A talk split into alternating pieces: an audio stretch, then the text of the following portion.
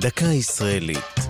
השבוע נעמי שמר, במלאת 15 שנה לפטירתה.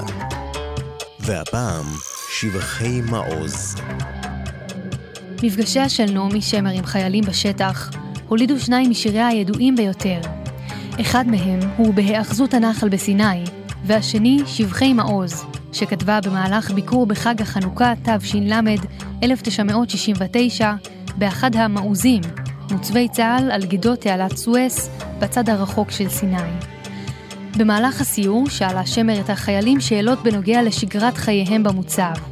הם סיפרו לה שלפני החג בנו חנוכיה מתרמילי פגזים ריקים, וערב ערב הם מדליקים בה אש מול חיילי צבא מצרים שמעבר לתעלה, ושרים בקול רם את הפיוט מעוז צור.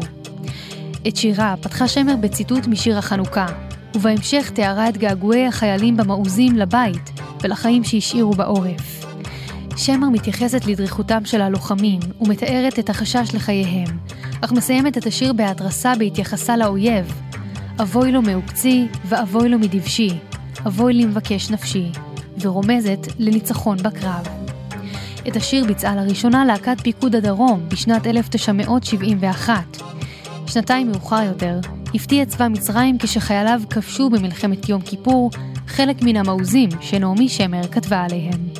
זו הייתה דקה ישראלית על נעמי שמר ושבחי מעוז. כתבה מאיה רכלין. ייעוץ הדוקטור נתן שחר. ייעוץ לשוני הדוקטור אבשלום קור.